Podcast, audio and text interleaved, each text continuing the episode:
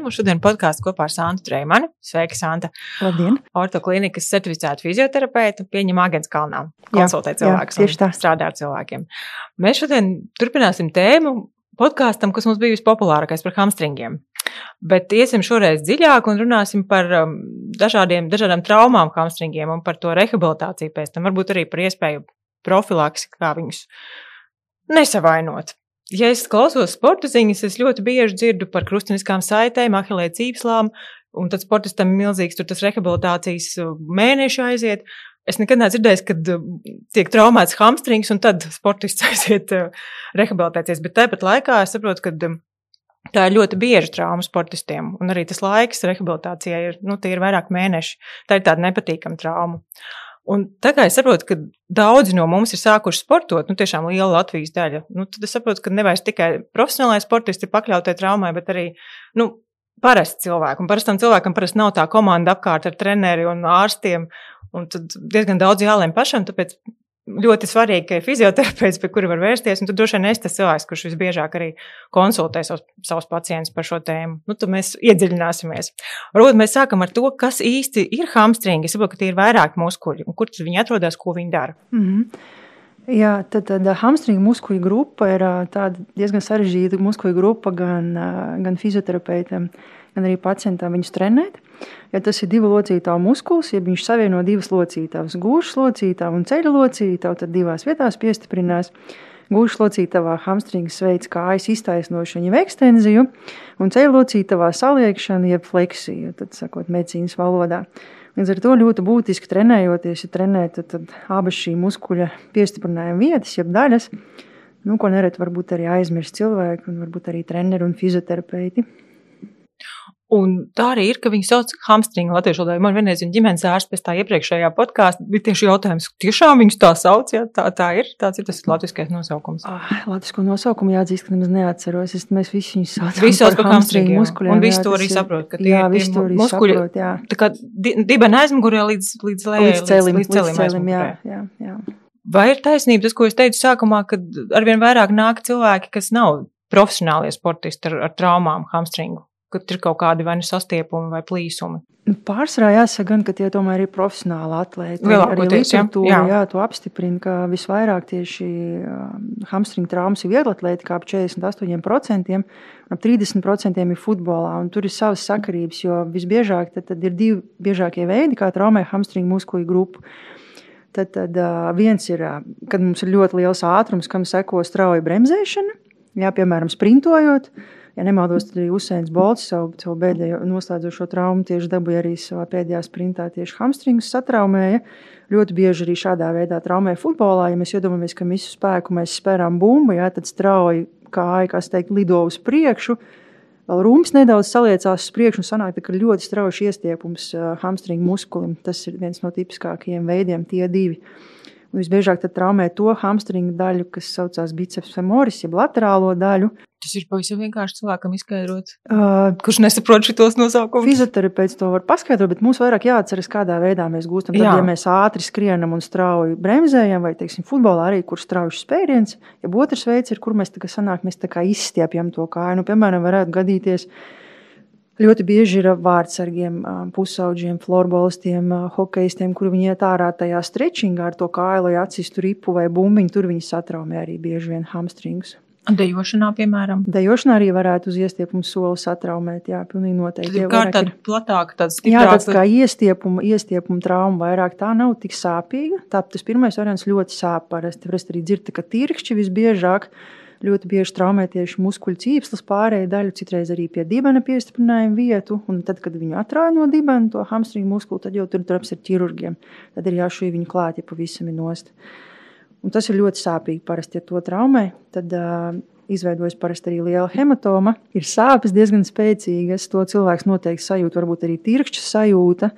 Tas ir ļoti nepatīkami. To otro traumu, ja cilvēks sajūt, bet bieži vien viņš pat viņš var turpināt sportot. Tas gan atkarīgs arī no pakāpēm, cik ļoti tas muskulis ir bojāts. Otrā trauma tas ir kā? Tad, kad caur iestiepumu mēs viņu satraumējam. Bet pirmā reize, pirmais ir plīsums pilnībā, vai ne? Vai nē, tā viņa? Vienkārši, vienkārši atšķirās pēc traumas veida. Tas kā ir vairāk tīri. Jā, jā. Tad vai nu tu strauji skrien uz strauji bremzē un jā. satraumē, vai nu, piemēram, nezinu, ejuši pagatā, bet es to daru salīdzinoši mierīgā kustībā, bet es viņu vienalga pārstiepju un, un satraumēju. Vai dejošanā, kā, kā tu minēji, ja, piemēram, tādā straujā. Un abos gadījumos ir tā, ka tu viņu var pāraut pilnībā to hamstringu. Un tas ir tas gadījums, kad ir jāšuj. Um, Bet kad ir jāšuj, kad jā. ir jāšuj, tad biežāk ir tas pirmais variants, kad strauji, strauji tās... tā kustība, jā, tad visbiežāk arī atrauj tieši pie sēžas skalu piestiprinājuma vietas, tad, tad ķirurgi viņu šuj atpakaļ, jā. Un tad rehabilitācija ir vairāk mēneši jā. Tās pazīmes tam cilvēkam ir kādas, nu, viņš, es, no, tā, tas pirmais variants ļoti skaists, bet tad, kas tad īsti ir? Es, teiksim, saprotu, ka arī grūtāk staigāt, viņi vājāk tā kāja. Tad tā būs ļoti ir. liels bojājums, jā. būs grūtāk staigāt un kāja būs vāja, ja ir milzīgs zilums kājas, tagad ciskas otrā pusē, nu tad noteikti ir jāiet pie traumatologa, tad ir nopietnas bojājums. Tad, kad ir vienkārši pastieps tas muskulis, nu, bieži vien cilvēks var turpināt sportot, jā, viņš var turpināt to savu aktivitāti, un tad viņš otrā dienā viņu jutīs. Bet faktiski arī ārsti un radiologi iedala tos bojājumus trīs pakāpēs, pirmā, otrā, trešā.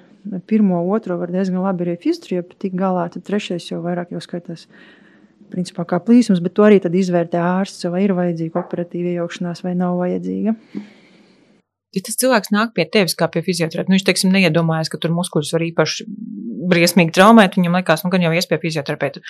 Cik, kā tu izvērtē, kā tu mhm. saproti, kas tur īsti ir un Jā, kā tu izšķir? jautājums. Šis ir, tad, tad mums kā fizioterapeitam galvenais ierocis ir anamnēzes, ko mēs ievācam, ir tas, ko pacients mums var pastāstīt, kā viņš guva traumu, Tad tas ir tas, ko es jau minēju iepriekš, kādā veidā, vai tā bija ātra kustība un strauja bremzēšana, vai tas otrs variants, kur viņš tā lēnām izstiep, iestiep to kāju. Tas mums jau daudz ko pasaka. Mēs zinām jau, pa kuru muskuļu grupu domāt.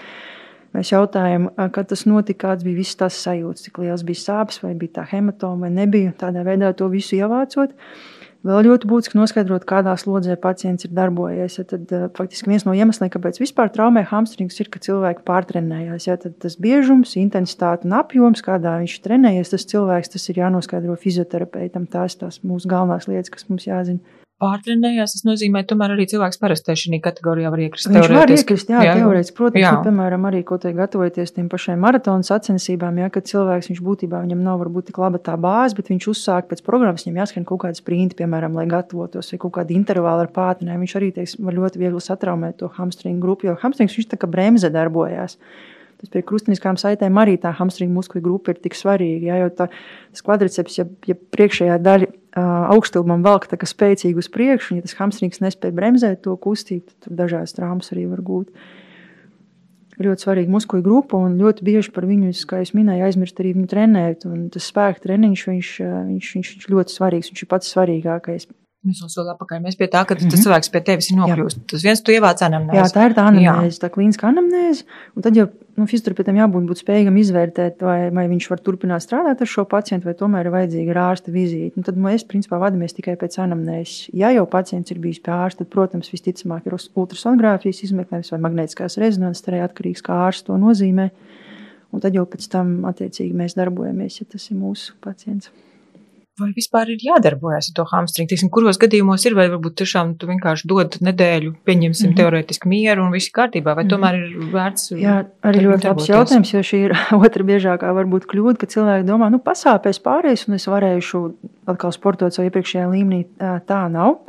Jo jāsaprot, ir, kāpēc tas hamstrings ir satraumēts. Tad, tad pieliktā slodze uz to muskuli, attiecīgi, ir bijusi pa liela. Tas muskulis nav spējis izturēt pielikto slodzi. Ja, un, ja jūs plānojat atgriezties nu, teiksim, pašos sprinta treniņos, jebkurā jūs izvēlēties sporta veidā, tas muskulis ir jāsagatavo tai slodzē. Un tur jau nāk iekšā tas, tas pakāpeniskais spēka treniņš, attiecīgajās slodzēs, dažādās kontrakciju veidos un tā tālāk. Ko dara fizioterapeits? Kā viņš, kā viņš strādā? Ko viņš, kā tu viņu trenē? Vai tu vispār fokusējies uz hamstringu, varbūt tur kaut kāda cita muskuļa tieši mm -hmm. otrādi vēl jāstiprina? Jā, tad, tad ļoti būtiski saprast, tad, tad kurā rehabilitācijas fāzē pacients atrodas šajā brīdī. Ja tas ir svaigs, mikroplīsums muskulim, ja, tad mēs sākam teikt, no paša sākuma. Tad dzīšanas fāze mums ir jāuzlabo cirkulācija, apasiņošana, tur ir savas metodas, varbūt tik dziļi šeit nestāstīsim, bet attiecīgi tad, ejot cauri tai pirmajai dzīšanas fāzē, jāuzlabo tā cirkulācija, lai ir apasiņošana, lai audi barojas, lai uzlabojas dzīšana. Nu, burtiski, un pēc tam jau mēs sākam būvēt to, to spēku, bet arī pakāpeniski. Tas nav uzreiz tur, teiksim, tāds spēka treniņš, astoņas reizes ar milzīgiem svariem. Mēs nonākam līdz tam pakāpeniski. Ja? Un tā mēs pēc tam nonākam līdz funkcionālajai fāzei, kur jau mēs sagatavojam sportistu, lai viņš atgrieztos attiecīgi vai nu ir skriešana, vai tas ir kāds no komandas sporta veidiem, basketbols, futbols un tā tālāk.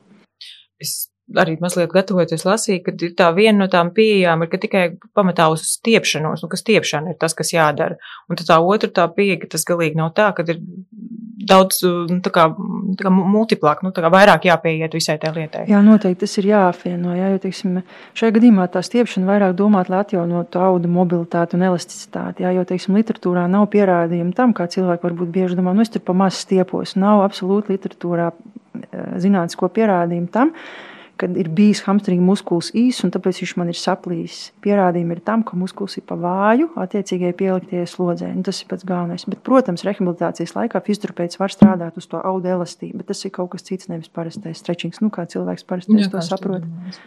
Nu, kas mm -hmm. ir notiek, ja cilvēks, nu labi, viņš ir izdomājis, ka viņš tagad divas nedēļas, nezinu, vienu, divas nedēļas viņš tagad nedarīs neko kāds ir tas viņa iespējamais algoritms tālāk. Nu, viņš tagad sāks darboties atkal savā tajā, nu, visticamāk, neprofesionāls sportists, bet, nu, Mm -hmm. amatieris, kas... Ja viņš nebūs nācis uz jā, jā, viņš to būs tad, tad saviem scenārijus ir atkārtota trauma, un atkārtota trauma, eh, tad, tad pirmā trauma, kas nav izārstēta līdz galam, ir iemesls atkārtotai hamstringa traumai, tas ir viens no biežākajiem cēloņiem. Tāds tiešām arī ir, jā. kur apstiprina literatūras dati, jā, tas, tas ir primāri jāizārstē primārā trauma līdz galam.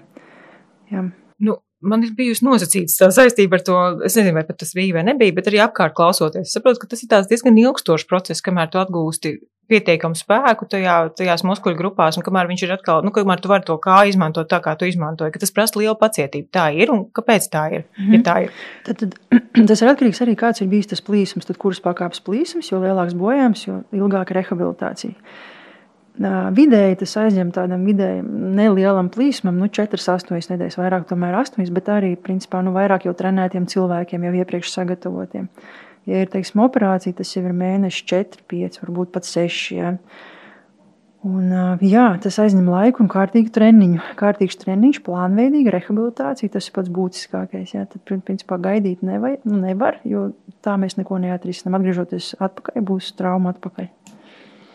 Varbūt mēs varam par to profilaks pastāstīt. Vai tu teici, mm -hmm. ka stiepšanās tā nav profilaks? Nē, stiepšanās noteikti Kas nav. tad ir tas? Profilaks ir spēka treniņš. Spēka treniņš. Jā, ir spēka treniņš. Ir jāzina, ļoti mērķiecīgi. Tieši... Mērķiecīgs, regulārs, jā, sabalansējot ar tad attiecīgi sportista to viņa primāro aktivitāti. Nezinu, vai tā būs, teiksim, tāpat skriešana vai futbols, jo tur paviediet arī tie specializētie treniņi, tad, tad, bet spēka treniņam jābūt ir, nu, visa pamatā. Jā, ja muskulis būs pamatīgi apzināti un gudri trenēts, būs spēks pietiekami, tas attālina traumu risku. Jā. Ļoti liela tagad ir tā programma, ko arī UFA pētnieki pēta futbolistus ļoti daudz, un um, tur ir tā saucamie pierādījumi par uh, Nordic hamstring muskuļu uh, teiksim, uh, vingrinājumu ar nosaukumu Nordic hamstring, jeb tur, kur mēs esam uz ceigaliem balstā, jā, vai nu tur partneris mūsu pēdas pie grīdas piespiestas, vai mēs esam aizāķējuši aiz viedru sienas, un tur, kur mēs laižamies tā kā ar ķermeni uz leju, varbūt visi ir kaut kur redzējuši kādreiz, jo viņš ir ļoti grūts vingrinājums, ka viņš strādā, teiksim, ekscentriskā slodzē, jeb uz muskuļu pagarinājumu, uh, Bet pildot šo vingrinājumu regulāri profilaktiskajās programmās, hamstringa traumas mazinās par 60% primārajai traumai un par pat 80% jau atkārtotai traumai. Jo īpaši tas ir svarīgi teiksim, futbolistiem, skrējiem, sprinteriem, tādiem, kur arī gūstās traumas visvairāk. Es varbūt vēl vienu lietu tīri par to pacietību, jo es saprotu, ka tavs darbs kā fizioterapeits saistīts ar ļoti lielu pacietību, un tev ir arī nu, tas pacients kaut kā jāmotivē uz to, ka tas nebūs tā, ka tu tagad atnāks rīt parīt un viss, viss beigsies. Kā ir ar šo lietu vispār, un arī ar hamstringu, teiksim, rehabilitāciju? Jo es domāju, ka vienā brīdī liekas, nē, visas sākšu atkal sportot, viss būs labi, pietiek, pietiek. Mm. Kā tu to balansu notur, kā ar to pacietību? Jā, nu, izglītošana fizioterapeitam ir ļoti liela viņa darba daļa, jo pie ārsta fizioterapeits pavada teiksim, tādu 20 minūtes tas būtu varbūt maksimums konsultācijā, tad visvairāk ar pacientiem runā tieši fizioterapeiti. Ja arī konsultācija mums ir stundu gara, un katra nodarbība arī mums vismaz orto klinikā ir stundu gara, un tad izglītošana, jeb stāstīšana par, par iespējamiem riskiem, par to, kāpēc tieši šādi ir jāveic rehabilitācija, kāpēc tieši šādi vingrinājumi, kāpēc tieši šādā slodzē. Visbiežāk ir jautājumi tieši par slodzi, jo visi daudziem liekas, ka ļoti grūti. Bet spēka treniņš ir grūti, ir jābūt grūti, jo tikai tā pieliktā pretestība mums audzē to spēku. Un, un tas, ir, jā, tas ir grūtākais, bet ir jābūt pietiekoši pacietīgiem, jo pacients nezina. Tāpat kā mēs nezinām arī citas sfēras, ja mums kaut ko stāsta bieži vien.